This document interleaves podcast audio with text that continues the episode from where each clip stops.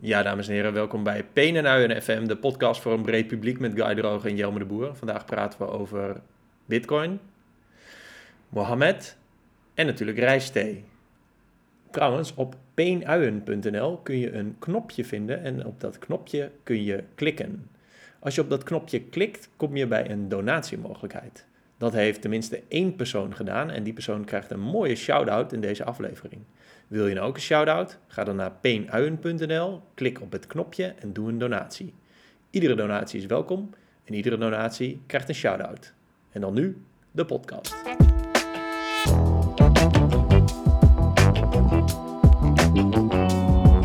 Heb jij eh, nog feedback gehad? Of heb je nog eh, reacties gehad op de vorige podcast? Uh, nee, mensen waren... eh, ja, dus ja, maar geen feedback, maar wel reacties. Mensen waren enthousiast over dat we dit met enige regelmaat gingen doen. Dat, was, eh, ja, dat, was, dat is de intentie. Ja, precies. Dus dat moeten we alleen nog maar waarmaken. En dus eh, ja, ik ben blij dat mensen dat zeggen. Dat ze dat Ja. leuk vinden om naar te luisteren. Heb jij gekeken op hoe vaak het geluisterd is? Eh, ik zag wel dat op de een of andere manier, want daar hadden wij het nog over, dat het was gepubliceerd op mijn podcast op Spotify. Ik snap oprecht niet hoe dat kan, aangezien ik eh, geen inloggegevens heb eh, gegeven. Ja, dat is wel vreemd. Toch? Dat is gek, toch? Ja. Ehm, maar als ik dus inlog op eh, podcasters.spotify.com, staat die niet in mijn podcasts. Maar als ik op Spotify kijk, is, het wel, is de eigenaar wel Guy Droog. ja, dan is dat gewoon een andere guy droog. Dan neemt hij gewoon de naam over van Anchor, denk ik. Is dat zo? Oh, Ja. Dus dat kunnen we misschien nog wel wijzigen. dat zou het kunnen. Maar goed, eh, nee, ik heb dus niet Twee- gekeken. ja, 275 vind ik toch netjes. Hoe weet je dat? 200. Nou, dat staat op Anchor. Anchor. Maar dat is, een Anchor is, dat, is dat het, totaal, het, totaal, eh, het totale aantal? Ja. Het totale aantal, ja. Nou, als, we, als we iedere keer proberen 100 meer luisteraars te krijgen, dan. eh, Ja, maar dan moet jij wel een beetje promotie maken op Instagram en Twitter en Facebook. Ja. Hey, eh, laten we maar gewoon eh, direct met de belangrijkste beginnen. Vandaag is het 17 november. En dus dag van het therapiedier, internationale dag van de student en Wereld Prematuurdag. Prematuur, prematuurtje is wel echt een mooi scheldwoord trouwens. Prematuurdag, jezus. Ik ga het Ik denk dat opzoeken. dat het is. Prematuurdag. Fijne wereld prematuur. Nou, dit kan toch niet waar zijn? Jij hebt echt Stichting Prematurendag. Wat is dit dan? Prematuur is toch gewoon Oh, kindertje? Ja, ja. ik, ik, had, ik, ik legde echt, echt even een hele andere link, man. Nee, maar wacht even. Heel Nu, slecht. nu, nu, eh, nu stoppen er al drie mensen met luisteren... omdat, omdat één ervan een prematuur kind heeft... en twee ervan pre- een prematuur kind kent. Ik zat met de premature ejaculatie in mijn hoofd. Eh, en nee, dat is geen... eh, dat is geen weerspiegeling van mijn eigen onzekerheid. Maar eh, dat is wat er in mij opkwam. Maar het, het gaat inderdaad om eh, premature, prematuur geboren kindjes. Ah, dat is wel, dat is wel sneu. Ja, dat is op, oprecht sneu. Maar we hebben het over dat het feit dat iedere dag een, eh, een, eh, een dag is. Hey, ik had ook nog even opgezocht. Nou, je hebt het al kunnen zien in de show notes. Nee, niet in de show notes, in, de, de- in het draaiboek. Ja. 4 april, het is internationale pe- peendag. 27 juni, nationale uiendag. En dat is dus in Amerika, dus niet internationale uiendag. Oh, dat is jammer. Anders had het voor ons ook een hele relevante feestdag eh, geweest. Ja, dus ik denk dat wij 27 juni niet mee mogen doen. Maar 4 april is het dus penen, Penendag. International Carrot Day. Ik, ik denk dat het wel... eh, dat moeten we we- wel onthouden. Daar kunnen wij wat mee, man. Hey, ik wil trouwens wel ehm, eh, bijdragen aan het draaiboek. Alleen ik heb dus geen eh, bewerkpermissie. Oh. Dus ik ga dat even doen. Want ik moet natuurlijk ook een ding erin voeren. Eh, invullen. Ja, Nou goed, dat komt nog wel. ja. Eh, ik heb trouwens wel eh, eh, reacties gehad. Sommige mensen die eh, zeiden dat ze het leuk zouden vinden als we ook elke aflevering een service-gerelateerd onderwerp bespreken. Omdat we dat best wel vaak eh, bespreken op social media. Tenminste, dat, dat dateert nog terug naar de tijd dat jij social media gebruikte. Ja, Eh, en dat vinden, dat is- wij ook, dat vinden wij ook gewoon een interessant en leuk onderwerp. Ja dat is goed. Eén persoon zei, het is echt de slechtste podcast die ik ooit heb gehoord. Eh, dus die kun je ook in je zak steken. Wie zei dat dan? Doan. Nee, nee eh, wel, een klant van mij zei dat. Die zei echt, ja, ik vond ik echt de slechtste podcast die ik ooit heb gehoord. Ehm, ik, ik, ik ga ervan uit dat hij alsnog deze podcast ook gaat beluisteren. Dus eh, Roberto, shout-out naar jou, naar jou en het feit dat je dat dus eh, zei tegen mij. Ik snap het trouwens wel, hoor. want in, in, deze, in die eh, jaren, kijk, eh, twee jaar geleden, is, ik, ik ben wel denk ik drie jaar geleden begonnen. Jij ook zoiets, toch? Met wat? Met podcasten. Ja, toen kon je gewoon net zoals nu, zeg maar, gewoon voor een microfoon gaan zitten en gaan lullen. Maar tegenwoordig is ook alles eh, geproduceerd en, eh, Nou. en, recla en reclames en riedeltjes en zo. Ja, Mijn, eh, mijn oude podcast, weet je wel, omdat het kan. ja, een van de populairste podcasts aller tijden in West-Europa. Die, daar doe ik dat nog steeds. Hè. Deed ik dat nog steeds. Gewoon voor de microfoon springen. En eh, ja. ja, Ja, er zijn echt weinig. Ik vind dat, eh, ik vind dat fijne podcasts om te luisteren. Als je gewoon iemand het woord geeft, zeg maar. Dat is toch lekker, wat iemand in zijn in zijn hoofd heeft, dat het dan eh, eruit komt. ja maar dat, nu doen wij dat er ook, alleen dan met z'n tweeën. Dus ik, Ja. ik, ja, ik vind het jammer dat Ja, wij- van de allerslechtste podcast ooit noemt. We hebben een concessie gedaan. Door het maar, maar met z'n tweeën te doen. Maar oké, ja, leuk, leuke feedback. Goeie feedback. Ja, thanks. Ja, het is wel het benoemen waard. Wel het benoemen waard. Wel mooi. Over eh, feedback gesproken. En we kunnen dus gelijk een service-gerelateerd onderwerp erin knallen. En dat is? Ik ben de laatste tijd dus bezig met dingen verkopen via Instagram. En we hebben het er al kort over gehad natuurlijk. Maar alsnog ben ik Gewoon, wel gewoon al even, even voor de luisteraar, al particulier, hè? Niet, eh, niet met je shop-linkje. Nee, niet met een shoplink. Gewoon, ik heb eh, te veel troep in huis. Ehm, en ik ehm, hanteer ook nog steeds eh, jouw eh, lijfspreuk, geen troep. Dus ik probeer eh, daar een beetje vanaf te komen. Slim. Ja, slim. Ik heb, ik heb soms van die, van die ingevingen. Nu is de vraag. Als jij dus iemand benadert op Instagram. Er is altijd een soort van... Het is niet echt een ongeschreven regel, maar er is altijd een onuitgesproken gevoel dat je elkaar soort van kent. Toch als je elkaar al best wel lang volgt. Ook al volg je elkaar niet, als de een de ander volgt. Je hebt dan altijd het gevoel dat je die persoon ergens een beetje kent. Zeker over de jaren heen. Eh, Ja. Dus daar is een soort van ja, het is niet echt vertrouwen, maar het is wel meer dan helemaal niets. Het is meer dan vreemden onderling. Het is Als jij- herkenning. Herkenning misschien wel, ja. Ehm, maar maar als, als jij dus iets koopt van iemand op Instagram... en die persoon vraagt jou om eh, gewoon direct te betalen...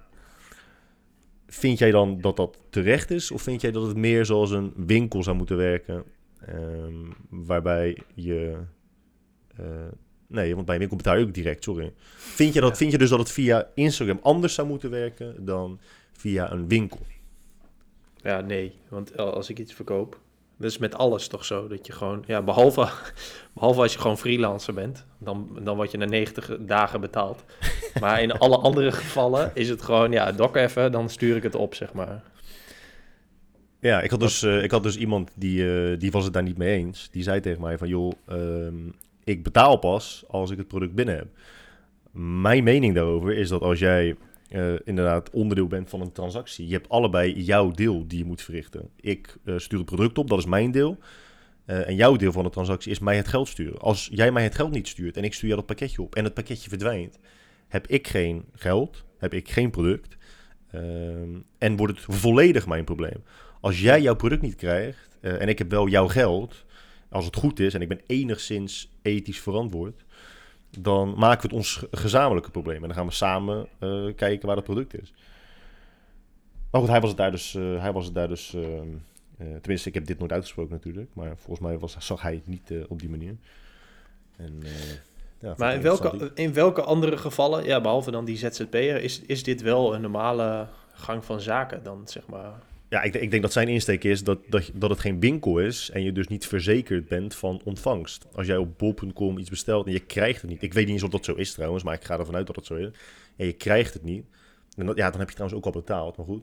Dan heb Ja, je volgens misschien... mij zijn er wel opties om later, je kunt er ook achteraf betalen. Of Ja, zo. precies. Maar volgens mij niet kiest echt niemand dan. Ja, je kunt onder een boers betalen. Eh, gewoon op, op factuur kun je betalen, maar echt niemand doet dat op. Iedereen betaalt er gewoon direct met Ideal. Ik heb nog Ja, nooit iemand gehoord die zegt ik betaal onder een boer. Nee. Dat klopt. Maar ja, ik ben Maar, dus eh, helemaal gestoord. Dat is jouw serviceverhaal. Nou ja, ik vind gewoon dat ja, als, jij, als jij onderling handelt met iemand, eh, gewoon persoon tot persoon, dan moet je gewoon direct jouw deel van de transactie moet je gewoon volbrengen. Ja. Ik ben wel benieuwd, uh, da daar mogen de luisteraars deze keer feedback over geven. Of er een situatie bestaat waarin dat niet zo is en, en ja, wanneer dat normaal is, zeg maar. Dat je het afwacht en daarna pas betaalt. Nou ja, ik denk dus dat heel veel luisteraars uh, direct marktplaats als argument zullen gebruiken. Van ja, op marktplaats doe je dat ook niet. Ik ga toch niet mijn product opsturen of mijn geld opsturen naar iemand die ik helemaal niet ken. Maar dat is dan ook gelijk... Nee, dat Gebeurt dat niet daar? Marktplaats, nee man. Ik heb laatst wel wat dingen op Marktplaats verkocht. En dan moet je... Oh nee, dat gaat natuurlijk via zo'n tussenweg, zeg maar. Ja, je kan het met zo'n escrow kun je doen. Maar de meeste mensen die... Toch, tenminste, heel veel wordt gewoon uh, opgehaald. Zodat je echt weet dat, je, dat, dat wat je koopt, dat je dat ook echt uh, krijgt. Uh, het is heel, heel irritant, man. Want ik hoor nu mezelf niet. Uh, ik hoor alleen jou. Maar als ik dus zelf praat, hoor ik niks. ja, zonde van. Uh, ik heb ook nog wel een serviceverhaal. Oh. KLM. K ik denk dat ik wel 138 verhalen over KLM, KLM's service heb. De meest arrogante, het, het meest arrogante bedrijf van Nederland en de wereld. Dus ik ben een beetje bevooroordeeld. Maar uh, bij het KLM kun je, kun je tickets boeken met punten, zoals je weet. En uh, meestal moet je dan. Ja, met, meestal moet je dan iets bijbetalen. En wat je moet bijbetalen zijn meestal die, die kosten die, uh, die worden doorberekend voor bijvoorbeeld het gebruik van de luchthaven en veiligheidsdingen en zo. En al die gekke toeslagen. En uh, heel vaak is er ook nog een extra toeslag die niet echt een naam heeft. En KLM, KLM noemt dat de toeslag die, wordt, die, die de vervoerder in rekening brengt. Dat zegt KLM, maar de vervoerder is KLM, zeg maar. Dus het is, dus echt is heel... Dus, dus dat is toch gewoon je ticket? Ja, het is, het is een ticket bijvoorbeeld naar Kaapstad is 67.500 punten. Plus ja, allerlei toeslagen. En een van die toeslagen is 150 euro. En, en die wordt genoemd toeslag die de vervoerder in rekening brengt. Ja, maar dat is... Zo, ja, dat is maar goed, eerder was dat een soort van brandstoftoeslag. Maar dat, dat nou ja, mensen kunnen ook vooral mijn boek lezen waarom, eh, om te lezen waarom dat nergens op slaat. Maar dat slaat gewoon nergens op. Ze hebben, het is gewoon een bedrag zodat ook al betaal je met punten, dat de airline alsnog iets verdient aan je, zeg maar. Dus hmm. die, dat hele loyaliteitsprogramma is ook een beetje een wassen neus. Maar goed, KLM zegt dus, oké, dit ticket kost uh, uh, 60.000 punten plus 25 euro. En dan staat er onder een kleine letje, lettertjes plus 100, 175 euro. En, want ze tonen twee bedragen, waarvan er eentje niet die 150 bevat en die andere wel. Alleen het is niet zo dat dat die 150 euro er nooit bij zit. Die zit er sowieso bij. Dus dat bedrag van die 25 euro, dat slaat nergens op. Want die 150 hmm. komt er sowieso bij. Het is hetzelfde als iemand een laptop zou kopen. En Apple zou zeggen, ja, het is, uh, het is 60 uh, eh, euro. Maar het is ook 1060 euro. Want ja, die 1000 euro is uh, laptoptoeslag. Maar dus ik vroeg op Twitter van, joh KLM, waarom, waarom tonen jullie twee prijzen waarvan er eentje gewoon niet, ja, gewoon niet waar is, zeg maar. En, maar dan krijg je zo'n reactie van, uh, ja, uh, toeslagen hebben allerlei uh, redenen. Als je ons een DM stuurt, dan leg ik het je graag uit. Maar ja, dat is, ik vind dat zo kut, zeg maar. Een soort van, zeg gewoon waarom die twee prijzen er zijn. Of zeg gewoon dat je het niet wil vertellen.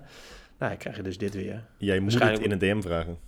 Ja, toen zei ik van, je kunt het ook gewoon hier vertellen. En toen hebben ze niet meer gereageerd. Dus ja, nou, top. Ja, ik vind dat, gewoon, ik vind dat, dat raar. iets over, uh, over hoe ze er zelf ook over nadenken. Of wat zij, wat zij ervan vinden, dat zegt daar ook iets over. Ja, maar het hele punt is zeg maar, dat het is echt alweer tien jaar geleden dat, dat die, die wet erdoor is gekomen dat je geen vliegticketprijzen mag tonen die de prijs helemaal niet zijn, zeg maar. Het is nu gewoon altijd wat je ziet, dat is wat je moet betalen. En KLM is dan weer de maatschappij die, die dat dan gewoon weer niet doet, zeg maar. Oh nee, er komt toch 150 euro bij. Oké, top. Maar we hadden het laatst over die spaarprogramma's. En dan vind ik dus al dat voor elke euro die je dus uitgeeft, krijg je, krijg je 0,000... Nee, nee, sorry. Je krijgt voor 1 euro krijg je wel 1 punt. Maar dan moet je vervolgens 200.000 punten hebben voor een, voor een looproute ticket, een wandelroute ticket naar Schiermonnikoog.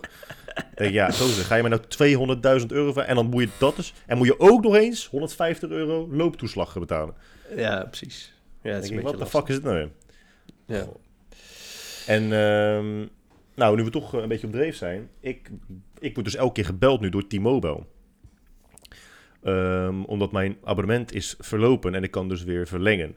En dan bellen ze je, want dan willen ze je graag als klant behouden. Nou, dat eh, stel ik zeer op prijs, Timo wel. Ehm, en dan zeggen ze, joh, omdat we je zo graag als klant eh, willen behouden, omdat we je zo als klant waarderen, mogen we jou deze aanbieding doen. Nou, top, denk je dan. En dan luister je ze naar ze en denk je, oké, nou interessant. En dan ga je dus volgens naar de website, eh, terwijl ik ze aan de lijn heb. En dan zeg ik, joh, maar als ik dit gewoon invoer in de website, dan is het exact dezelfde deal. En dan zeggen ze, ja, we mogen ook geen persoonlijke deals aanbieden. Oké, maar waarom bel je mij dan met het hele verhaal van we willen jou zo graag als klant behouden, dus we mogen jou deze deal aanbieden? Ik snap echt wel dat mensen geld willen verdienen en dat ze targets moeten halen. Maar die hele insteek, dat is al zo, dat is al zo eng. Daar snap ik al helemaal niks van. Zeg gewoon, joh, dit, dit zijn de deals die we op dit moment hebben. Uh, daar kun je gebruik van maken. Ben je bekend met onze deals? Zeg maar. Ja, precies. Zo het, is, het is veel sympathieker als ze zouden bellen met, joh, dit kunnen we je aanbieden. En, uh, en check de website, want daar kun je nog alles rustig nalezen. Ja. Dat is toch... Maar goed, het, het is toch altijd een soort van afweging tussen hoe, hoe gluiperige kutmarketing kun je doen voor iets, iets minder op je NPS, zeg maar, op je Net Promoter Score. Oh. Dat is volgens mij heel, heel vaak die afweging. Maar ja, ja. Dat, dat, dat, ja, dat, dat is echt heel treurig, ja. En, en, en sowieso het idee dat ze geen persoonlijke aanbiedingen mogen doen, uh, is waarschijnlijk ook gewoon niet waar. Uh, het gebeurt zo vaak dat je, als je een beetje een grote bek hebt en je zegt, joh luister, ik ben er gewoon klaar mee, ik ga naar Vodafone. Dat ze dan opeens zeggen, oh nee, wacht, als je uh, nu vandaag nog bestelt, dan krijg je 300 euro korting op je nieuwe iPhone. Oh, ja. dan wel. Oké, okay, top. Maar dan, dan, maar dan deel je het ook. En dan, dan sta je in, is, is het zo'n zo'n dilemma waar je voor staat. Dan denk je, nou, ga ik toch, kies ik voor mezelf. En um, uh, ga ik voor de financieel uh, um, uitnodigende optie. Of denk ik, fuck jullie, krijg het eens maar en uh, ik, ik hou het bij mijn standpunt. Dat had ik dus met KLM. Toen hebben zij mij een deal aangeboden. Toen zeiden ze, joh, of je krijgt um, 1500 euro cash van ons, of 1000 euro cash, volgens mij zoiets. Of je krijgt 750 euro KLM te goed. Nou, toen was ik natuurlijk weer zo'n nerd. Die zei, uh, nou ja, ik stel dit aanbod zodanig op prijs dat ik jullie wel weer een kans wil geven. Dus doe maar gewoon die 750 euro te goed. In plaats van die 1000 euro cash. Of zelfs 1500 was het. Je kreeg meer, je zou meer cash krijgen dan te goed? Uh, of nee, andersom denk ik dan, hè? Dat is, dat ja, is logisch. Ja, denk ik ook wel, ja. ja. dat is logisch. Ja, ja dat is logisch. Ik denk, dat was het dan, ja. Maar toen heb ik wel gewoon... Uh, nee, eh, nu twijfel ik daar echt heel erg over, man. Welke van de twee het was. Het klinkt inderdaad veel logischer dat ik meer te goed zou krijgen. Ik ga dat uh, straks nog een keertje opzoeken. Ik ga dat opzoeken. Maar goed, je hebt, je hebt het te goed gekozen. Uh, ja, maar dan is toch nog steeds de vraag, weet je, waarom moet dat na zoveel, na zo'n, na zo'n bevalling? Als we dat nou gewoon gelijk doen, dan heb je niet uh, dat, dat stroeve... Ja, maar dat is, dat is nou ja, uh, ooit gaan we er een boek over maken. Maar dat is echt, dat is echt een groot onderdeel, zeg maar. Het, het de klant zo moeilijk mogelijk maken om, uh, om iets voor elkaar te krijgen, waardoor de klant het, het maar opgeeft. Ja, het is bizar. Het is echt... Zeg maar, de, maar dat, besef dat de klantenservice dit als insteek heeft. Of zijn we echt te wantrouwen? Nee, dat zijn we echt niet. Dat kan niet. Nee, als, ik, ik moest laatst dingen bellen, Ziggo, en ik probeer gewoon het, uh, het telefoonnummer te vinden. Nou, dat is echt... Ik, kijk, het kan natuurlijk ook, ook van aan mij liggen, maar ik was echt volgens mij gewoon 10 minuten bezig met, uh, met uh, het nummer zoeken. Ik ben tussendoor ben ik dat nieuwtje aan het zoeken voor, KP, voor van KLM. En het zou wel echt vet zijn als we een keer een of andere hoge pief bij een klantenservice van zo'n gewoon van een echt een tunde groot bedrijf, echt PostNL zeg maar of zo, of bol.com, die gewoon, want ja, waarschijnlijk hebben ze ook iedere dag vele duizenden zeer irritante klanten. Dat, ja. dat snap ik ook heus wel. Ik bedoel, de barrière uh, van uh, in elkaar in de ogen, ogen kijken is ook echt wel weg natuurlijk. Ja. Dus ik, snap, ik denk dat ik ook wel een beetje begrijp waarom het op een bepaalde manier is ingericht. Maar uh, ja, gewoon uh, hele sympathieke mensen zoals jij en ik hebben daar dus last van. ik heb daar 1600 euro terug gehad toen van KLM. 1600. Waarvoor? Um, omdat ik, uh, ik had me dus, we, we, waren in Dubai en ik had me aangemeld voor hun Twitter en WhatsApp updates. En op een gegeven moment kreeg ik een eh, bericht ehm, dat onze vlucht was geannuleerd. Ik dacht, nou, dat is, dat is best gek. Eh, en ik uh, Twitter, een bericht sturen via Twitter naar KLM, maar we zaten te eten, dus ik wilde niet de klantenservice bellen en 82 minuten in de wacht staan.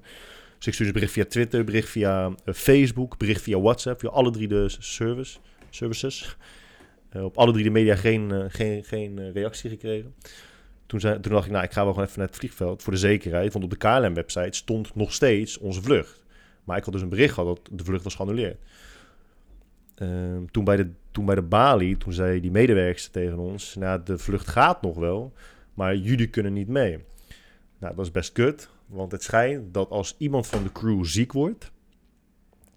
dat voor elk crewlid minder 10 of 20 patiënten geschrapt moeten worden. Of patiënten, passagiers geschrapt. oh, wow. Ja. Um, dus toen was de optie, ja, jullie kunnen um, uh, overgeboekt worden. En dan kun je met Turkish Airlines vliegen. En dan ben je in plaats van 6 uur, ben je 14 uur onderweg. Um, en je kunt ook geen Economy Plus of zo vliegen, want dat is niet meer beschikbaar. Uh, en we kunnen je ook niet upgraden naar business, want dat kunnen we gewoon niet. Ja, toen heb ik daar een klacht over ingediend. En toen zeiden ze, nou, je krijgt 200 euro van ons terug. Ik zei, nou, daar ga ik niet mee akkoord. Wat de fuck moet ik met die 200 euro na die verschrikkelijke vlucht van jullie? En toen zeiden ze... Oh, je ging wel met Turkish uiteindelijk? Uiteindelijk ja, want ja, je, je moest oh. naar huis. Maar mijn vraag was gewoon, waarom is alles misgegaan? Weet je, waarom heb ik jullie uh, via verschillende uh, media moeten benaderen? Heb ik nergens reactie op gehad? Moest ik zelf naar het vliegveld om erachter te komen waarom de vlucht voor ons specifiek was geannuleerd? Uh, dat is mij geen 200 euro waard. Toen zeiden ze, oké, okay, dan krijg je 1600 euro. ja, dat is wel top. En ja, zoals je weet is iedereen te koop. Ik ben ook zeer zeker te koop. Ja, ja, ja, maar het is, toch, het is toch ook gewoon logisch? Ik bedoel, ja, je wordt gedowngrade, je hebt een soort van stress. Het is, de, de reden is echt super debiel. Ik heb, dat, heb, je, heb je daar ooit eerder van gehoord? Ja, ik heb wel eens een, uh, uh, een vlucht is wel eens overboekt. En in dit geval als crewlid uh, ziek is, dat is wel een beetje een bijzondere situatie. Maar het is, ze, ze, overboeken sowieso, nou in deze periode altijd, waarschijnlijk niet. Maar ja, maar het kan wel eens zo zijn dat er, dat er dan echt te veel mensen komen opdagen. Maar toevallig wist ik dat je dan best wel goede vergoeding kreeg. Dus ik had van Emirates in ruil voor een dag later vliegen... Uh, een gratis retourticket naar keuze vanaf Amsterdam gekregen. Dat vond ik hmm. wel een goede deal. En, en trouwens mijn originele vlucht uh, een upgrade naar, uh, naar business. En ja, gewoon overnachting, maaltijden, dat soort dingen. Dus dat, dat was wel prima geregeld. Maar ik wist dat van tevoren, dus toen, toen ja, liep, ik liep gewoon naar die desk toe. Toen zei ik, yo, ik wil wel morgen vliegen.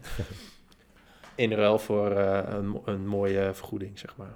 Maar ik heb ook wel eens gehad, ik had ook wel eens op de Filipijnen in een of andere budget luchtvaartmaatschappij toen liep ik ook naar die desk. Toen zei ik, ja, we willen wel morgen vliegen. We willen per persoon 600 euro hebben. Toen zei ze, ja, we kun, je, je kunt 30 euro krijgen. ja, toen, was was er iemand anders die, die niet meer ging, zeg maar. Dat is een beetje de manier van handelen op Marktplaats. Dan zet je iets, uh, iets erop voor 500 euro. Onaangeraakt, splinternieuw, limited editions, nergens meer te verkrijgen. En dan stuurt uh, Mustafa je een bericht. Zei, ja, ik bied je 18 euro. dan zeggen ze, ja. Dit vind ik het allermooiste. Dan uh, heb je bijvoorbeeld een meubelstuk heb je op Marktplaats staan van 240 kilo. En dan zeggen ze, voor 50 euro kom ik hem morgen bij je ophalen. Gozer, je moet hem sowieso ophalen. Denk je dat ik hem kom brengen naar je? Of dat ik in een pakketje naar je opstuur? Het is echt het is alsof, alsof dat de overtuigingskracht heeft voor mij om te zeggen... oké, nou, als jij hem op komt halen, dan ga ik sowieso ook.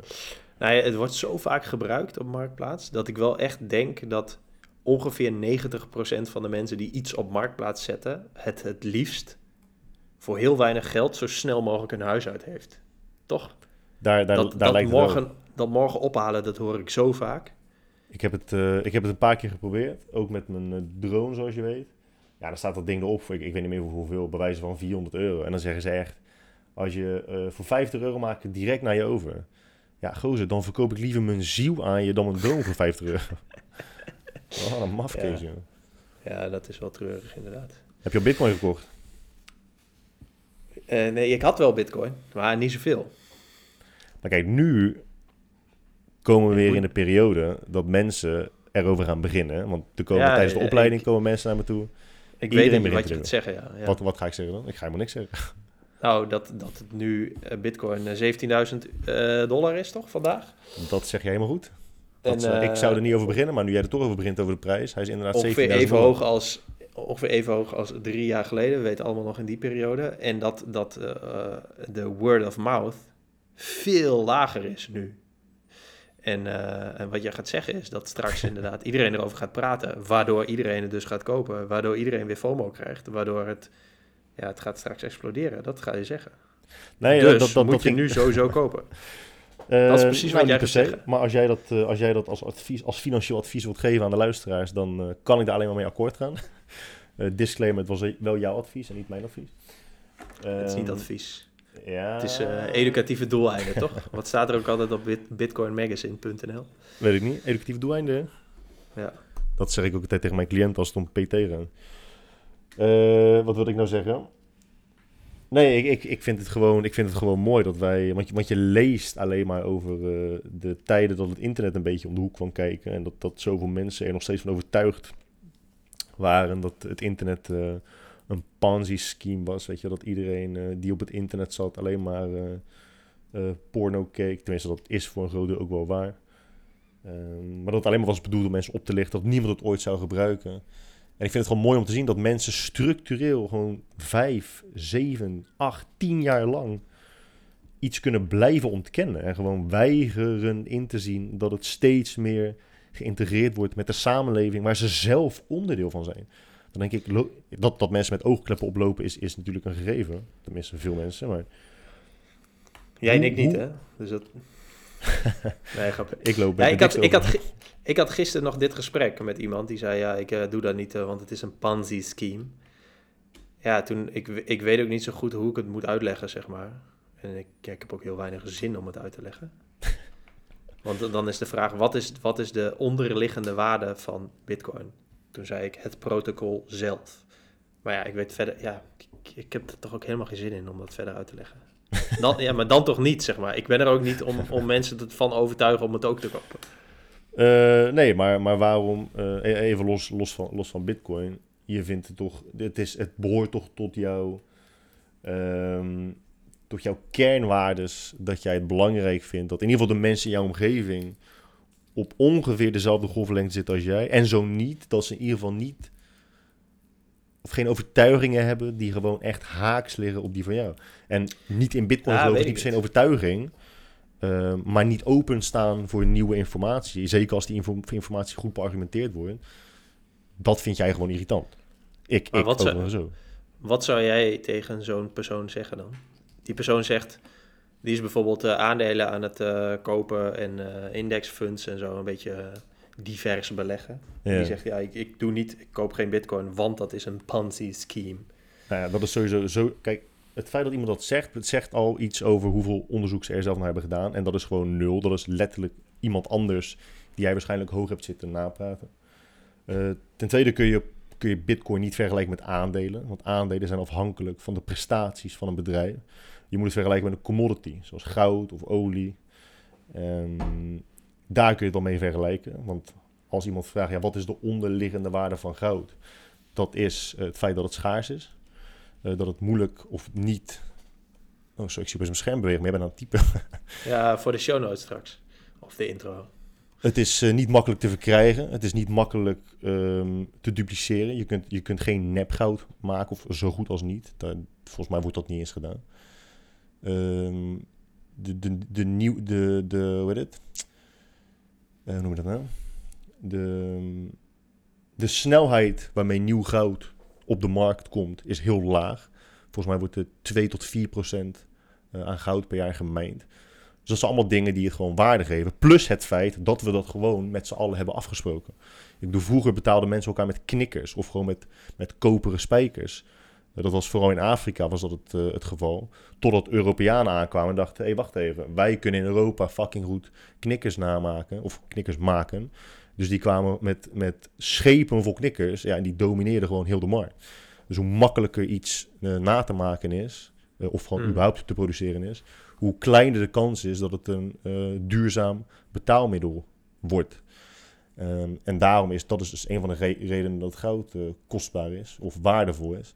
Maar het, bijvoorbeeld het idee dat ons huidige geld allemaal backed is door goud, dat is ook wat heel veel mensen denken. Dat voor elke euro op de markt er een bepaalde hoeveelheid goud is. Dat is ook echt kinklare onzin. Al vanaf de jaren 80 is dat niet meer zo. Als, als alle mensen die euro's hebben, eh, die euro's in goud hebben gestopt, nu zeggen: Oké, wacht even, ik wil voor mijn euro's goud hebben. Dat kan niet, want zoveel goud is er gewoon niet. Hm. Dus, dus als, je, als jij denkt dat goud geen gebakken lucht is en bitcoin wel, eh, ja, dat is, dat is, eh, dat is best, eh, best gek. Dat is best gek. En bitcoin voldoet aan alles waar een, een duurzaam betaalmiddel aan zou moeten voldoen. Ehm, en het, het presteert dan een heel stuk beter dan iedere andere asset class de laatste tien jaar. Maar eh, het is gewoon virtueel en dat snappen mensen niet. En dat snap ik dan ook wel weer. Ja, maar hoe bedoel je, het is virtueel, dat snappen mensen toch niet? Iedereen zit de hele dag op het internet. Ja, En maar het- ik, en- begrijp, ik, begrijp, ik begrijp echt wel dat dingen die... Ja, ja, dat snap ik wel, dat mensen daar geen feeling mee hebben. Nee, nee, nee, maar, maar, dan, maar dan zou je, en, en dat is wat ik net zei, met dat dingen niet stroken met jouw kernwaardes. Als iemand het niet snapt, daar heb ik ook eh, begrip en respect voor. Maar zeg dan gewoon, ik snap het niet. Ja, precies. Niet zeggen, het is een ponzi-scheme, het is net het casino. Het is net als gokken. Het is net alsof je je geld op rood of zwart zet. Eh, nee, in principe is dat echt, echt iets heel anders. Nee, dat, dat is wel een goed punt wat je zegt. Je kunt, niet, je kunt niet iets dom vinden als je het niet volledig begrijpt. Maar ja, je weet natuurlijk ook niet wanneer je het volledig begrijpt. Nee, maar je weet wel wanneer je iets echt niet begrijpt, want je weet voor jezelf hoeveel onderzoek je er zelf naar hebt gedaan. En het mooiste is, en dat is dus ook een groot irritatiepunt, is dat als je straks wel misschien veel geld zou verdienen eh, met bitcoin, sommige mensen willen hun bitcoin nooit verkopen, je kunt ook gewoon steeds meer met bitcoin kopen. Dat diezelfde mensen dan tegen je zeggen, zo hè, dat heb je makkelijk verdiend. Na vijf jaar lang zand eten. en 80% van je haardos verliezen. Ja, maar eh, dit is, dit, is, ehm, een, ja, dit is een beetje gerelateerd. Maar ik heb wel bijvoorbeeld... eh, gisteren was ik met iemand aan het praten over een aandeel Delta Airlines. Want Mhm. Delta is een, is een eh, luchtvaartmaatschappij in Amerika. En, die, en airlines, nou, die, die aandelen hebben al superveel waarde verloren. En dat krabbelt een beetje op. Nou ja, ik ga ervan uit dat er binnenkort wel een vaccin is. En dat de mensen weer lekker veel gaan reizen. Eh, misschien eh, met alle ehm veiligheids eh, en zo, dat het, dat het wel nog gestroomlijnder gaat en zo. Dus die aandelen gaan meer waard worden. Maar toen zei ik tegen die persoon van, ja, weet je wat het kut is? Als je het gewoon al over praat, net zoals over bitcoin praten, als je dan niet koopt, dan zul je altijd terugdenken aan van, ja, ja, ja, we hadden het toen over, ja, ja, ja, ik heb niet gekocht. En als het dan veel meer waard is, dan heb je zoiets van, ja, kut, zo had ik, nou, had ik het nou maar gekocht, zeg maar. Dat Ja. is met, met bitcoin ook zo, want nu, nu kan ik dus denken, ja, maar had ik, al- ik had toen wel ook wel iets meer kunnen kopen. Terwijl ik toen ook wel met, mijn, met een best wel serieus precies heb uitgerekend, oké, zoveel geld heb ik, zoveel wil ik hierin doen, zoveel wil ik sparen, zoveel wil ik hier aan besteden, oké, dan kan ik dit aan bitcoin kopen, zeg maar. Terwijl ik nu nog steeds zoiets heb van, ja, maar ik kan- als ik nou iets meer had gekocht. en dat zou ik denk ik voor, voor altijd hebben, net zoals met het punt waarop je wel of niet moet verkopen, zeg maar. Tuurlijk, maar je hebt eh, los van dat je FOMO hebt, heb je ook eh, fear, of fear of leaving money on the table. Je zult altijd het gevoel hebben, kut, had ik maar iets meer. Dat is gewoon eh, de onuitputbare hebzucht van de mens. Maar ja, ik, ik ben van mening dat op dit moment bitcoin de revolutie is van onze, van onze generatie. Wij hebben de internetbubbel hebben we, hebben we gemist. Wij hebben geen Facebook kunnen kopen, geen eh, Apple, geen Microsoft, geen IBM, geen Apple wordt dat genoemd. Kan wel. Eh, en ik denk, dat, ik denk dat, dat crypto en met name Bitcoin onze, onze ehm, kans is om echt levensveranderende hoeveelheden geld eh, te verdienen. Ehm, en, maar, maar maar dan het, je- feit, het feit dat je dus over Delta kan praten, over Delta Air, eh, Airways of Airlines, Airlines, met spatie. met spatie. Dat, is dus, dat is dus mooi, omdat het, dat, dat heet fundamentele analyse. Je kijkt gewoon naar wat eventueel de waarde zou kunnen doen voor hoger op de korte, midden of lange termijn. Je kunt exact hetzelfde voor bitcoin doen, alleen mensen ja, die, die weigeren dat dus eh, helaas te doen. Maar eh, De, maar eh, ja, het, het is toch ook heel vaak zo van als je, als je er dan zoveel overtuigd van bent, heb je dan al je geld ook in bitcoin zitten? Of gewoon zo alles wat je kunt missen? Als je dat vindt. Ja, dat, is, dat is een goede vraag. Ik bedoel, eh, ik, ik, ik heb een, eh, een te groot je- deel van mijn vermogen in bitcoin.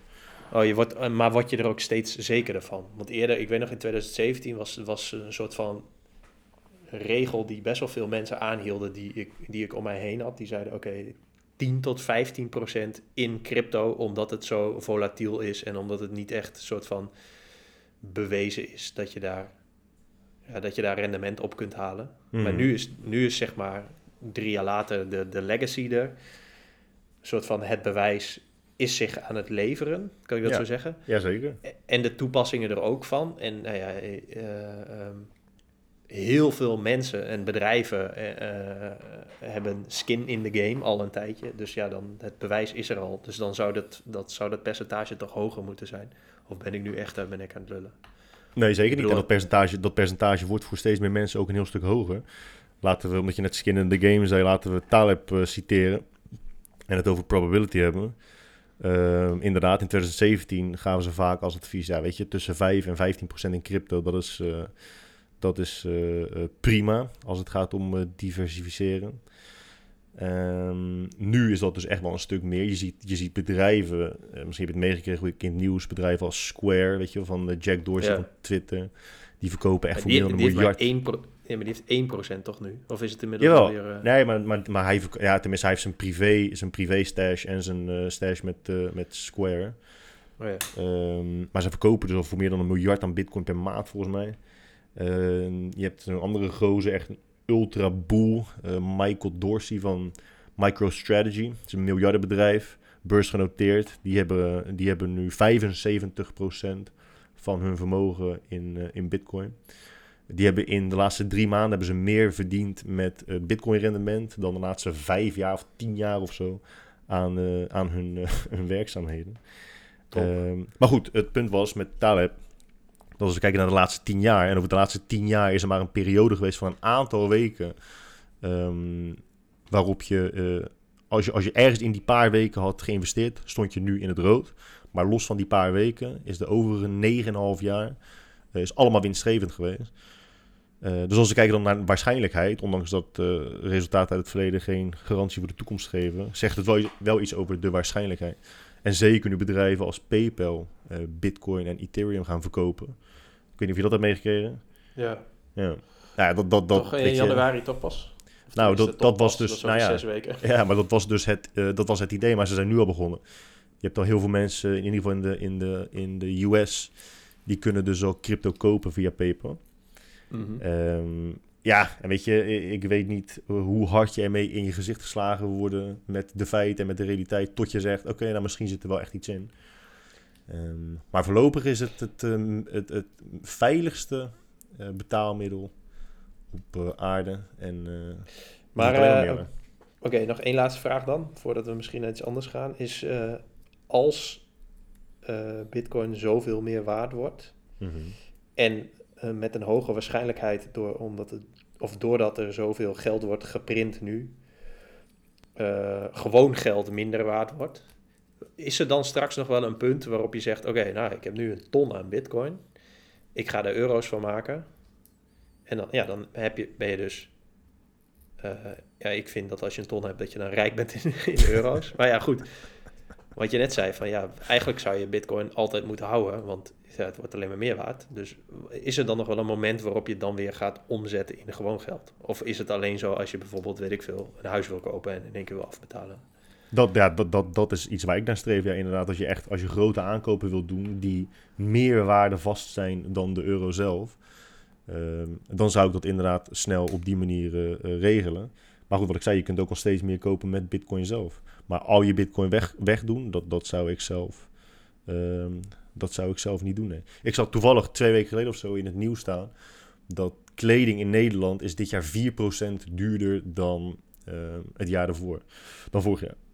Dat betekent dus al los van gewoon eh, alle andere eh, factoren die nu meespelen met, eh, met corona, dat je gewoon minder geld verdient. Dat je sowieso al 4% minder waar voor je geld krijgt wat kleding betreft. Voor, de, voor elke euro die je nu verdient. En de meeste mensen, die, eh, zeker ondernemers, die gaan echt niet ehm, structureel in inkomsten eh, omhoog. Dus ja, het is wel, je koopkracht die neemt wel echt met het jaar af in veel gevallen. Ja. Ja, Ja. precies. Maar inderdaad, als mensen die willen doen, who gives a fuck? Ja, goede, ja, goede analyse. Ehm, verder nog iets over Bitcoin? Nou, als, Waar als koop jij het eigenlijk? Ik koop het van een Nederlands bedrijf, Bittonic, B-I-T-O-N-I-C.nl. Het een bedrijf in Zoetermeer volgens mij. Zijn, eh, zijn begonnen met voor mij drie knapen. Voor mij zitten ze nu met 50 man daar op kantoor. zo. Oké. En ik denk dat die, eh, die gozer van Binance, ik denk dat dat echt binnen no time een van de rijkste mensen in de wereld eh wordt. Ja, dat zal wel, ja. Maar ja, hè, we hebben ook nog andere dingen te bespreken. Ja, eh, Jij wilde maar over Bitcoin praten. ja, in het draaiboek, die twee dingen, die wil ik eigenlijk helemaal niet meer bespreken. Hoezo niet? Nee, oké, laten we het toch wel bespreken. De Zijkcast. Eh dat, hè, maar ik heb het idee dat we het hier al over hebben gehad. Of hebben we voiceberichten naar elkaar gestuurd? Maar hebben of we hebben het we absoluut niet over gehad. over die mail van Happy Healthy? Ik denk dat je... Ja, nee, daar heb jij een, eh, een voicebericht over gestuurd, volgens mij, eh, eerder eh, vorige week. Ja, het zou echt vervelend zijn als we dit al in de vorige podcast hebben Nee, besproken. nee, absoluut niet.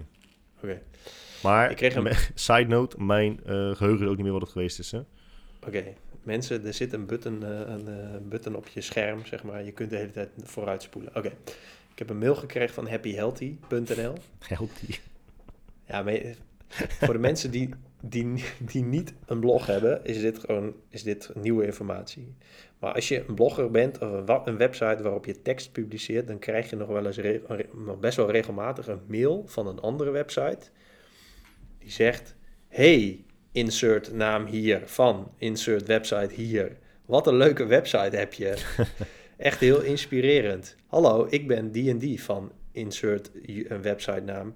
Nou goed, iemand van happyhealthy.nl stuurde mij een mail van... Hey Jelmer, wat leuk dat je je bericht, of een eh, bericht hebt gepost... of een blog hebt gepost over suikervrij eten. Als je meer informatie wil over eh, suikervrij eten... dan hebben wij de wetenschappelijke kennis daarover. En we zouden graag een blogpost willen posten, een gastblog. Vertel maar waarover. En dan in ruil daarvoor, het enige wat wij terugvragen... is een, een linkje... Wat was het ook weer? zij plaatsen een gastblog en dan link ik terug naar hun website. Dat was het. Ja. Nou ja, ik vind dat een van de treurigste dingen op aarde, zeg maar. dat er gewoon mensen dit werk doen. Die gaan dan Google Trends af en die kijken, of die Google zoekresultaten, die kijken, oh ja, Jelmer de Boer, die staat wel hoog op suikervrij. Die gaan we mailen, zeg maar. Gewoon niet kijken, gewoon mailen, omdat e-mail gratis is. Iedereen krijgt zo'n mail en dan reageren er drie van de, van de 440. En dan zo'n generieke gastblog. En dan hebben ze een linkje. En dan linken ze weer goed. En dan is hun SEO heel goed. En hun website waardevol. Ja. Nou ja, in die wereld wil ik gewoon niet leven, zeg maar. Ik denk Maar heel vaak zitten we van, middenin. Ja, maar dit is... Dit is ik word soms... Nee, ik, denk- ik denk dat ik oprecht verdrietig van word. Dat dit, zeg maar, een soort van... Wat zijn mensen met hun leven aan het doen, zeg maar? Dat, dat, dat dit is wat je doet in je leven. Maar wat is, wat is het meest irritant? Het feit dat ze gewoon totaal het bericht van jou eh, niet eh, door hebben genomen. En dus helemaal niet begrijpen welke insteek jij het bericht hebt gelezen. Het feit dat ze naar iedereen hetzelfde bericht sturen. Nee, nee dat. dat, eh, dat ik, ik wist niet eens dat dit nog steeds iets was. Dat, dat, dat als je linkje op een andere website staat, ook al heb je er op een soort van gekke manier daarvoor gezorgd dat het linkje er staat, dat dat goed is voor je website en dat die hoog staat in Google. Ik wil het ook nee, het- weten. ik vind het ergste dat, dat, eh, ehm, ja, dat, je, dat het kennelijk zo waardevol is dat er een werknemer van een bedrijf random andere bedrijven gaat mailen om te vragen of ze een linkje. Wil je mijn vriend worden, dan word ik jouw vriend ook. Zo, ja, zoiets zeg maar. Wat nergens op gebaseerd is. Geen mutual respect, zeg maar. Geen historie. Maar heb je wel eens een website gezien? Want dat vraag ik me dus af.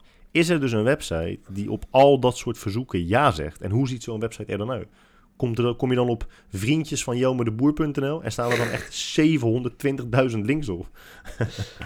Nee, weet, ja, volgens mij is de truc juist dat je op veel verschillende websites gelinkt wordt. En dan. eh, Maar, maar, dat, dat, het- dat, dat maar we zijn toch al lang de is- dagen van startpagina.nl voorbij. Ja, ken- kennelijk is het nog onderdeel van een strategie van bedrijven. zeg Ja, dat je maar. dan misschien. Ja, oké, dan moeten ze. Dan moet jij een artikel over ze schrijven of zo. en Dat je daar dan in. Nee, dat schrijven zij dan ook, zeg maar. Maar dat zal dan ook wel weer een soort van gegenereerd zijn. Maar inderdaad, de grote grap is natuurlijk dat mijn, mijn artikel heet... Suikervrij eten is voor de bielen. en dat, dat die website allemaal tips heeft over hoe goed suikervrij eten is... voor je, weet ik veel wat, voor je vetverbranding en je glucosehuishouding. En... Krijg je daar nog veel haat, haatmailtjes over? Nee, ik krijg echt nooit meer mails. Nee? zeg Maar nee, dat, Ben je is zo passé? beetje- Dat is wel een beetje... Nee, ik denk dat ik nu nog 20.000 unieke bezoekers of zo per maand heb. Holy shit, dat is wel veel, man. Vind je? In Tuurlijk. hoogtijdagen was het wel vijf, vijf tot tien keer zoveel als nu. En ik heb ook wel het nu. idee dat... Als nu. ja, dan nu. Zoveel als nu is hier- het toch? Ja, dat wel. Ja. Ja, ja. Eh, nee. nee, man, helemaal niet. Wat zeg je nou? Jawel, vijf keer zoveel als nu. Niet vijf Dan keer nu. zoveel dan nu. Je... Het is toch evenveel als? Oh ja. Het is, goed. vijf, het is vijf keer meer dan nu. Ik vind sowieso... Ja. te- Dat hoor je ook wel eens in reclame. Twee keer zo goed als gisteren. denk ik. Ja, het, is twee keer, het is twee keer beter dan gisteren. Ja, ja. Maar... ehm, In, in deze Eh, wereld wil ik niet leven. Nee, maar wie, wie gaat er nog... Ah, ik zie het trouwens nog best wel vaak trouwens. Als, je, als ik een blog lees en over weet ik veel iets... dat er dan mensen onder een blog gaan reageren. Ik dacht ook wel dat het een beetje over was. Omdat het gewoon... Ja, je hebt, omdat je social media hebt en dat het allemaal net even iets sneller gaat tegenwoordig. Dat, je niet, dat het niet zoveel tijd, mensen meer de tijd nemen om op een blog te reageren. Dat zie je inderdaad wel steeds minder. Want vroeger kreeg je ook nog kreeg ik heel vaak die... eh, eh, hoe noem je dat? Kijk, mailtjes binnen met een notificatie dat er een comment op een blogpost was geplaatst. En dat waren dan vaak van die backlink generators, van die spamberichten die dan linkjes Oh ja. plaatsen. Dat zie ik eigenlijk ook nagenoeg nooit meer gebeuren. Mijn blog is inmiddels zo onpopulair dat bots er niet meer eens op komen. Nice. Nice. Heb je nog wel mensen die dat boek gaan eh, downloaden? Dat e-book? Dat heb jij toch? Met zo'n pop-up eh, ding? Eh, nee man, dat heb ik al lang niet meer, toch? Weet je hoe duur dat was? Dat, heb ik ook, eh, Huh, echt? dat, dat geld heb ik ook in bitcoin gestopt. Terecht. Ja. Ik, eh, ik weet het niet, man. Ik heb volgens mij wel ergens nog analytics. Toevallig vroeg Doan laatst nog hoe vaak dat boek inmiddels is gedownload. Oh, dat hier, ik heb nog gewoon... eh, Kunnen we het niet even op eh peenuien.nl zetten? ik, heb, ik heb nog 1500 bezoekers per maand op mijn blog, schijnbaar. 1500? Ja. Oh, Dat is best veel, toch? 1500 per maand. 50 per dag. Ja, Waarom zou iemand in godsnaam dan op mijn blog komen dan? ja als ze zoeken op suikervrij. oh, ik lul trouwens helemaal. Wow. Ik heb nog... eh, ik, eh, wow, ik ben echt veel te stoer aan het doen. Ik heb 12.000 page views per maand. Ja, dat is wat anders, hè, Homer. Daar trappen wij niet in. Nee, daar trappen wij zeker Zit niet in. zit jij nu op mijn website? Ik heb nu op dit moment heb ik één active user op mijn website. Nee, Ben je dat niet? nee dat ben ik zeker niet. He's back. Nee. Don't call it a comeback. Ik kom Even weer terug, hoor. jongen. Dit is mijn eerste bezoeker van vandaag. Ja, het is wel echt een stuk treuriger geworden. Wat is dit nou weer? Ja, Besef hè, dat mijn, dat mijn eh, twee na best bezochte pagina is, Contact? is de over mij pagina. What the fuck is dat nou? Ja, die, eh, de best bezochte pagina op mijn website is afgelopen jaar Airbnb servicekosten. 34.000 keer bekeken. Ben je, holy shit. Ben je het niet eens met de Airbnb servicekosten? Nou ja, je kunt het terugvragen. Echt? Ja, Oké. ik heb wel een linkje, een linkje voor je. Wat bedoel je? Je kunt, het terug, je kunt het terugvragen. Krijg je het altijd Nou. terug of kun je het terugvragen? Nee, als je een, een, een huis boekt of een, een, een verblijf, dan betaal je servicekosten aan Airbnb. Maar de verhuurder betaalt ook servicekosten aan Airbnb.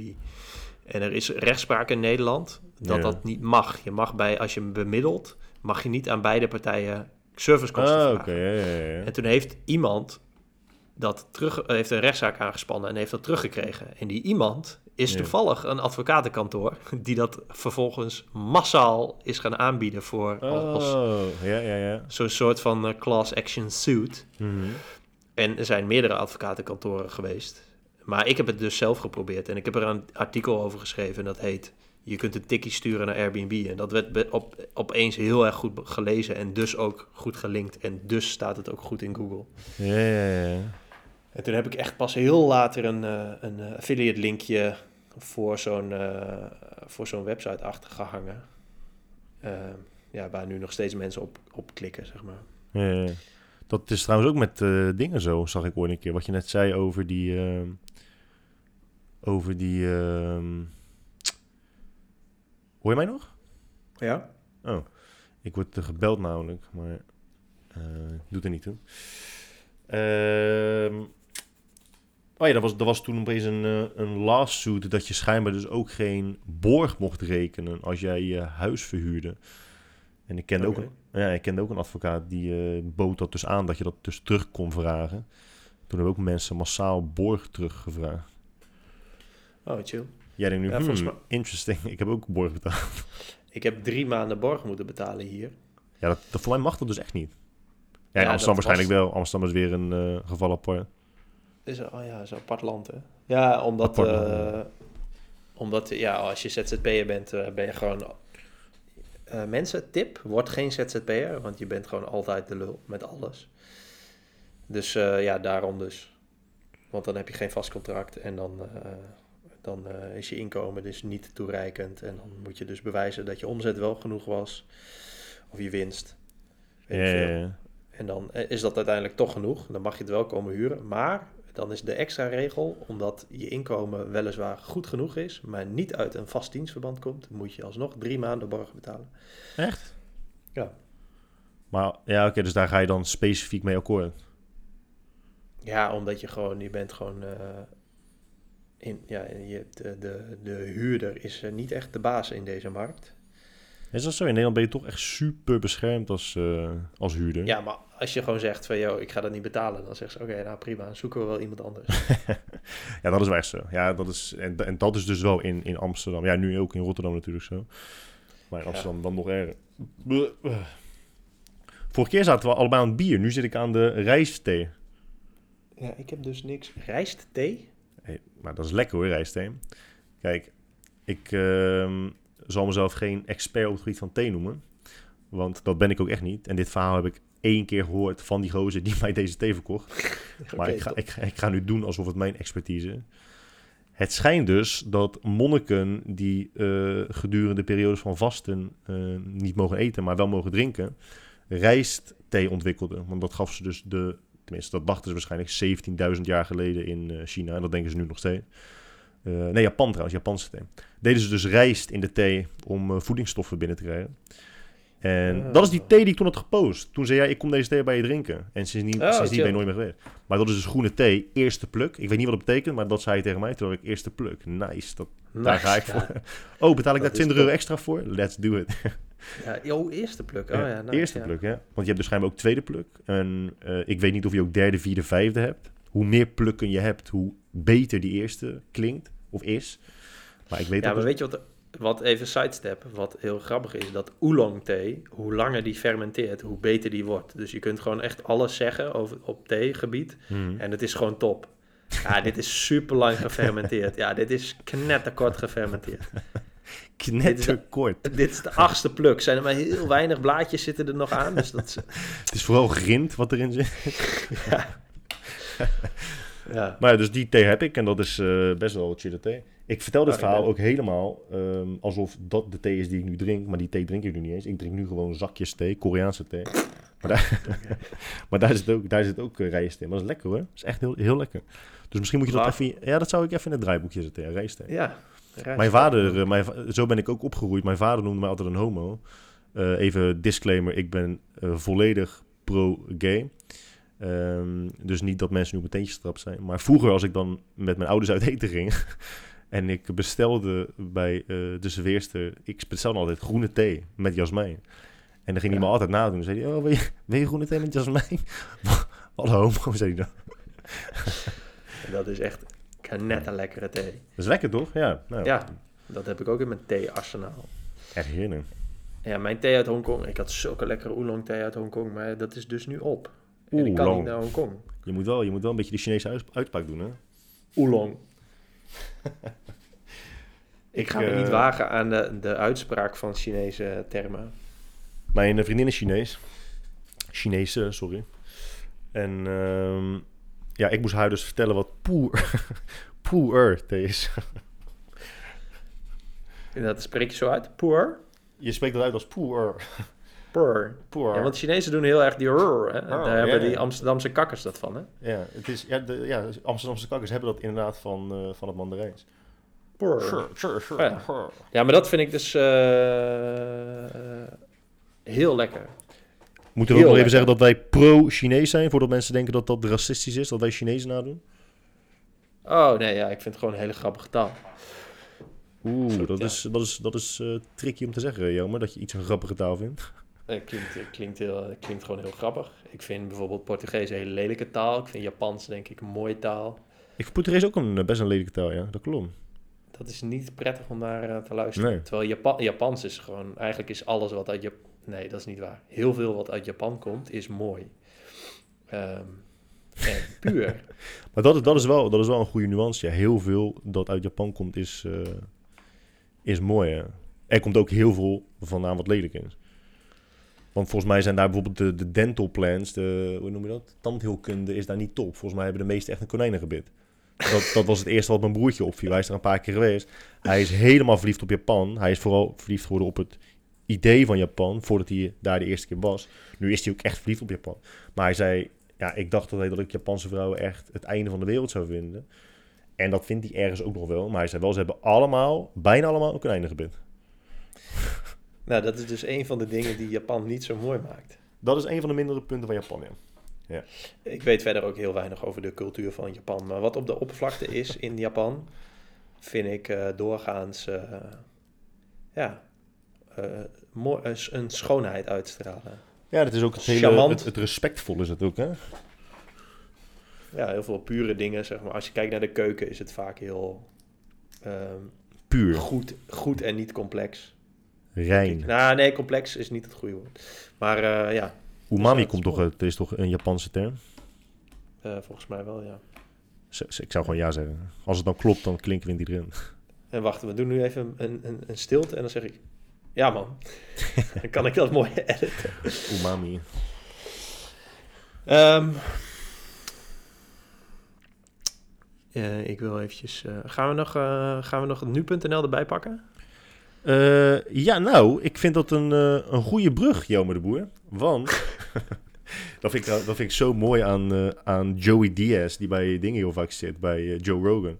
Ze zijn al heel hun leven lang bevriend, volgens mij. Of een groot deel van leven. En hij zegt altijd tegen hem Joe Rogan. Hij noemt, hij noemt hem altijd bij zijn voor- en achternaam. Ik ga dat denk ik ook bij jou doen, man. Ik wil één vriend hebben waar ik dat bij kan doen. Jelmer de Boer. maar ehm, er was volgens mij laatst nog in het nieuws, dat, dat heb jij ook denk ik meegekregen, de vraag of je homoseksualiteit mag verbieden op eh, school. Aangezien we Mhm. het net over homoseksualiteit hadden en het feit dat ik dus homo ben omdat ik thee met jasmijn bestel. Ehm, dus Jelmer, wat vind jij daarvan? Vind jij dat je homoseksualiteit mag verbieden op, eh, op school? Ehm, nee, maar wel, Eh, wel op alle andere plekken. nee, nee, vind ik niet. Alleen, ehm, ik, ik, denk, ik, ik denk dat mensen te simplistisch denken over religie. Volgens mij hebben we het hier wel in de vorige podcast over gehad, toch? Ik, Ga je nu altijd, ga je nu bij elke podcast zeggen, hebben we het hier tijdens de vorige podcast over gehad? Nee, ik vind dat, dat, dat het heel simpel scoren is door te zeggen van eh, ja, religie is geloven in een sprookje en eh, denken dat er een gast met een baard op een wolk zit. Daar hebben we het volgens mij wel over Eh, gehad, ja. Ik, ja, ik, ik vind dat die, dat die eh, discussie heel vaak raar is. En ik, ik vind absoluut niet dat eh, waar dan ook homoseksualiteit verboden moet worden. Want ik kan, ik kan daar geen goed argument. Ik kan daar geen goed argument voor verzinnen. En ik heb er nog nooit een goed argument voor gehoord. Nu ja. Tenzij je dus gelovig bent. Want in de Bijbel staat letterlijk dat je geen homo mag zijn. En dat, en dat vind ik dus altijd zo ironisch. Zowel homoseksuele gelovigen als ehm, de gelovige feminist. Want de Bijbel is zo vrouwonvriendelijk. Dat is echt pijnlijk om te lezen af en toe. Eh, dus ik snap niet hoe je kunt zeggen: ik geloof eh, volledig in het woord van God. Alles wat in de Bijbel staat is het woord van God. En ik twijfel niet aan het woord van God. Maar ik ben ook een feminist en ik ben ook homoseksueel. Dat is, ik vind dat best gek. En nu zijn de mensen die zullen zeggen: het staat niet in de Bijbel, maar het staat wel degelijk in de Bijbel. Maar wat, is, eh, wat vind jij dan? Dat dat Nou, wel moet kunnen? Ab- absoluut niet, want ik vind niet dat je in een seculier land eh, ook maar iets uit de Bijbel moet gebruiken als, eh, als onderbouwing. Voor wat dan ook. Maar het is wel, ik vind wel dat er een discussie, ja, er is er al een discussie over. Want zo seculier is dit land toch niet? Absoluut waar, dat is ook, dat is ook zo. Ja, we, we, we scoren beter dan Amerika, maar wel nog slechter dan eh, Scandinavië.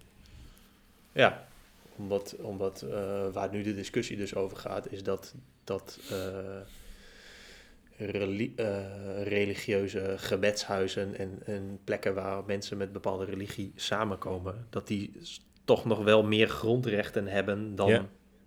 Ja, dat, dat. Of tenminste dat de, de volgorde van de grondrechten te betwisten valt. Laten we daarop houden, toch?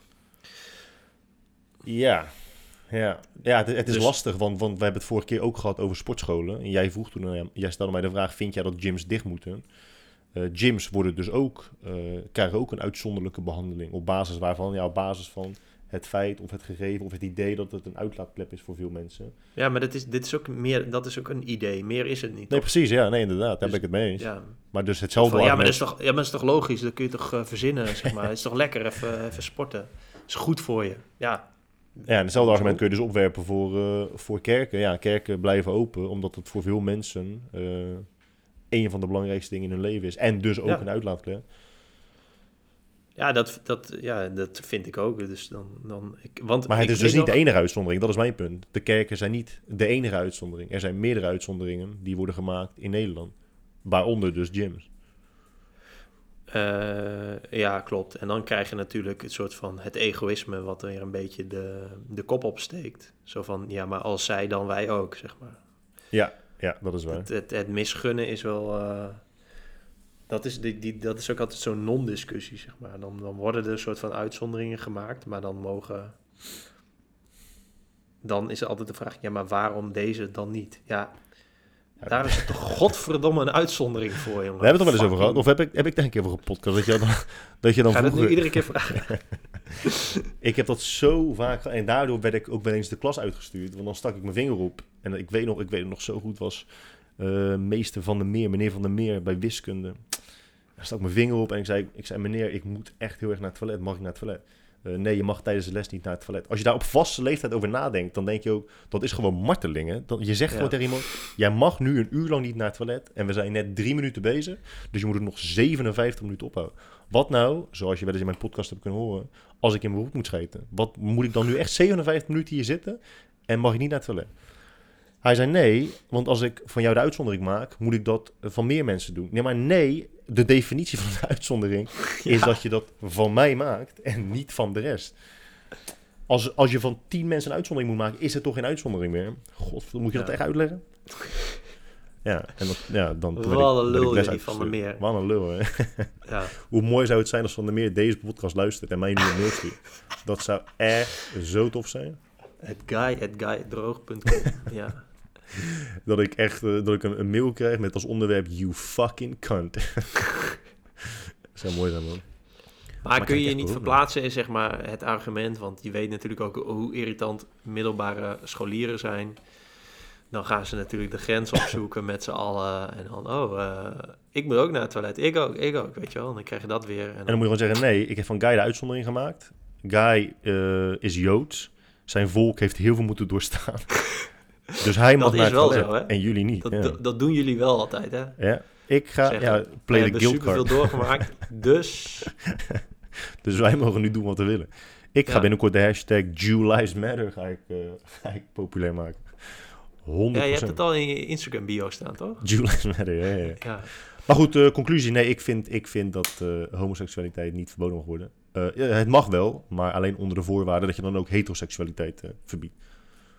Dus het uiten van seksualiteit in zijn geheel zou dan verboden moeten zijn, maar niet oh, van zo. één seksualiteit. Ja, oh, ja als, mannen, als mannen niet mogen tongen met elkaar, nou prima, maar dan mogen mannen ook niet met vrouwen tongen. En vrouwen ook niet met vrouwen. Tenzij twee lekkere wijven zijn. maar dat is evident. Maar uh, oké, laten we een bruggetje maken naar uh, het volgende. En dat is namelijk uh, het onthoofden van, van leraren, waar jij het de vorige keer over gehad hebt. Ja. Dat is wel een heftig bruggetje, man. We hebben net nou, over Van der Meer gehad en nu ga je het hebben over onthoofden van de Meer. van der Meer blijft buiten schot. Uh, maar niet buiten zwaard. Nee, uh, Vind je dat homoseksuele leraren onthoofd mogen worden? nee, dat, dat is niet de vraag in deze. Nee, um, uh, de petitie is na, na, natuurlijk 120.000 keer ondertekend of zo. Dat er een verbod moet komen op het ridiculiseren van de profeet. Mohammed. Oké, dus je wilt het hebben over, uh, over of uh, het wel of niet toegestaan zou moeten zijn. Um, of je um, welke profeet dan ook mag ridiculiseren. Ja, daar wil ik het eigenlijk niet over hebben, want ik vind dat dat gewoon altijd mag. Wat ik wel wil zeggen is dat ik wel vind dat de laatste tijd mensen alleen maar zich beroepen op het, de vrijheid van meningsuiting om de vrijheid van meningsuiting en dus niet zo heel veel te vertellen hebben.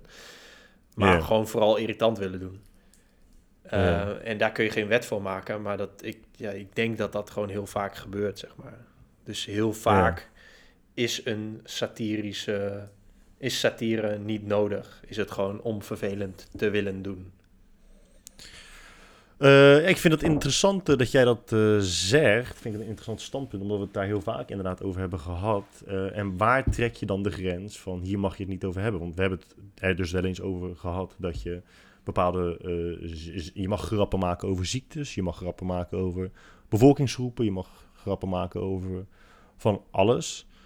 Um, maar jij vindt dus dat je wel de, de grens moet trekken bij, bij religie? Of vind nou ja, nee, ik, nee, ik, niet waar je dan welke manier de grens trekt. Ik moet heel vaak denken aan die grap van Theo Maassen. Dat, dat hij zegt van... Uh, dat, dat heel veel mensen vinden, ja, tegenwoordig mag je nooit meer zeggen wat je denkt. Ja, je mag sowieso, je mag sowieso niet heel vaak zeggen wat je denkt. Dat als je een lekker wijf op straat ziet, dat je, dat je zegt, hé, hey, lekker wijf. ja, dat, dat, is dit, dus dat, dat is ook gewoon zo. Heel vaak heb je gewoon de meest rare gedachten en kun je niet zeggen wat je denkt. Dus uh, dat, ja, dan moeten mensen niet vinden dat dat, al, dat dat in gevaar is of zo. Hmm. Dat, geloof ik, dat geloof ik helemaal niet. Sterker nog, ik vind dat, dat, dat het heel vaak onnodig uh, lomp is of zo. Denk ik. Dus ja, dat, ik, vind dat, namelijk, ik vind dat dus een lastige discussie. Dus en ik hoef ook helemaal geen grens te trekken. Er is ook geen wet voor te maken. En ik vind het belangrijker dat er vrijheid van meningsuiting is dan inperking van meningsuiting. Maar, uh, maar ja, ik vind gewoon dat vaak mensen gewoon irritant doen om het irritant doen. Om een soort van individualisme, egoïsme, zeg maar. Ik, ik wil moeten kunnen zeggen wat ik denk. Ja, soms is het gewoon beter je bek te houden. Uh, ja, ja, ja dat, dat zou inderdaad niet ter discussie hoeven staan. Uh, maar wel is er natuurlijk een opmerkelijk verschil tussen het belachelijk maken van uh, persoon A. of die persoon nu fictief is of niet, overleden is of niet en persoon B. Dat je bij, als je persoon A belachelijk maakt, dat daar eigenlijk geen of weinig consequenties aan verboden zijn. Misschien dat iemand een hondendrol door je brievenbus heen schuift. En bij persoon B de kans bestaat dat je gewoon met een dolk in je achterhoofd wordt geracht. ja. En als, als dat een. Um, als dat geen ongebruikelijke consequentie is van um, die handeling, van die daad, ja, dan is dat wel, uh, dat, dat nodigt dan wel uit tot, tot vragen stellen. En, en, en is, er een, is er een hoeveelheid van iets of iemand belachelijk maken die dat als consequentie rechtvaardigen? Nee, ja, absoluut niet. Maar ja, dan gaan we het natuurlijk hebben over betekenis. Ik bedoel, je kunt. Er is een groot verschil tussen eh, een dag lang in het openbaar je wijsvinger naar iedereen opstuur, opsteken en een dag lang je middelvinger naar op, iedereen opsteken. En het is allebei een vinger. En dus eh, fysiek is er vrij weinig verschil, maar ja, dat is zeg maar het effect van Ja. wat, wat de betekenis van iets is. Ja. Dus ja, dat is sowieso al wat. Ja, sommige dingen hebben betekenis voor, voor mensen en eh, voor andere mensen niet. Dan kunnen we natuurlijk alweer naar Verweki verwijzen. Zeg maar, je hebt iets in de wereld en je hebt wat dat betekent in de wereld. En dat zijn twee hele verschillende dingen. En daarom is die discussie ook zo. Eh, die gaat altijd langs elkaar heen. Omdat je, ja, ik, ik kan me ook weinig voorstellen wat mensen voor betekenis hechten aan de profeet of een, een beeltenis van de profeet. Maar ik kan me wel voorstellen dat dat een hele andere betekenis heeft dan dat voor mij heeft. En dat besef is Ja. vaak, vaak eh, weg, waardoor die discussie eigenlijk, ja, er komt, er is toch geen normale discussie over te voeren op deze manier. Ik weet ook niet of het hoeft, maar eh, dat, is, dat is volgens mij wel vaak wat er misgaat. Heel Kortom, we moeten dus iedereen weer eh, doorverwijzen naar eh, de videoserie van John Verveke. altijd. Dat je bij iedere, si- bij iedere simpele vraag moet je een videoserie kijken van 62 uur. Ja, dat is wel waar. Je moet zo lachen altijd dat hij wel je tegen zijn, tegen zijn bank zit met zijn, met zijn 360 pixels eh, camera met, met, met 200 kijkers naar zijn live Met een, meditatie met een... ik zie het er eens voorbij komen, maar ik, ik heb er eigenlijk nooit op geklikt, man. Hoeveel kijkers heeft hij? 72? Nee, ja, echt weinig. Tussen, echt volgens mij tussen de 100 en 200 of zo per sessie. Gewoon nog minder dan, dan, gewoon nog minder dan ik, hè, waarschijnlijk. Ja, ja, waarschijnlijk wel. Terwijl die, deze gast is zo'n baas, jongen. Hij is, ja, hij is echt een baas. Hij is echt een hele grote baas. Hé, maar eh, we moesten het eh, rond een uur eh, houden elke keer, hè? Anders Ja, zitten we straks weer aan de vier uur. Ja, precies. Dus ja, dit was dan nummertje twee, man. Ja. Dit was nummertje twee. En we moeten nog een kleine shout-out doen naar Jasper de Boer, want dat is de enige die heeft gedoneerd. Via peenuier.nl. Ja. dus ja, dat is wel een shout-out waard. Omdat eh, Jasper eh, Als mensen... altijd support. Ja, dankjewel eh, Jasper, dat is eh, top. Verder ben je eh, eh, helemaal niet eh, neutraal eh, in dit, maar dat, maar dat doet er niet toe. Ehm, als, als mensen doneren, dan kun jij ook misschien gewoon een fatsoenlijke internetverbinding eh, nemen. Dat zou top zijn. Ja, ik zit te twijfelen tussen, Ehm, tussen de... en, dan kunnen wij, en dan kun je ook een nieuwe microfoon kopen. Dat zou ook prettig zijn.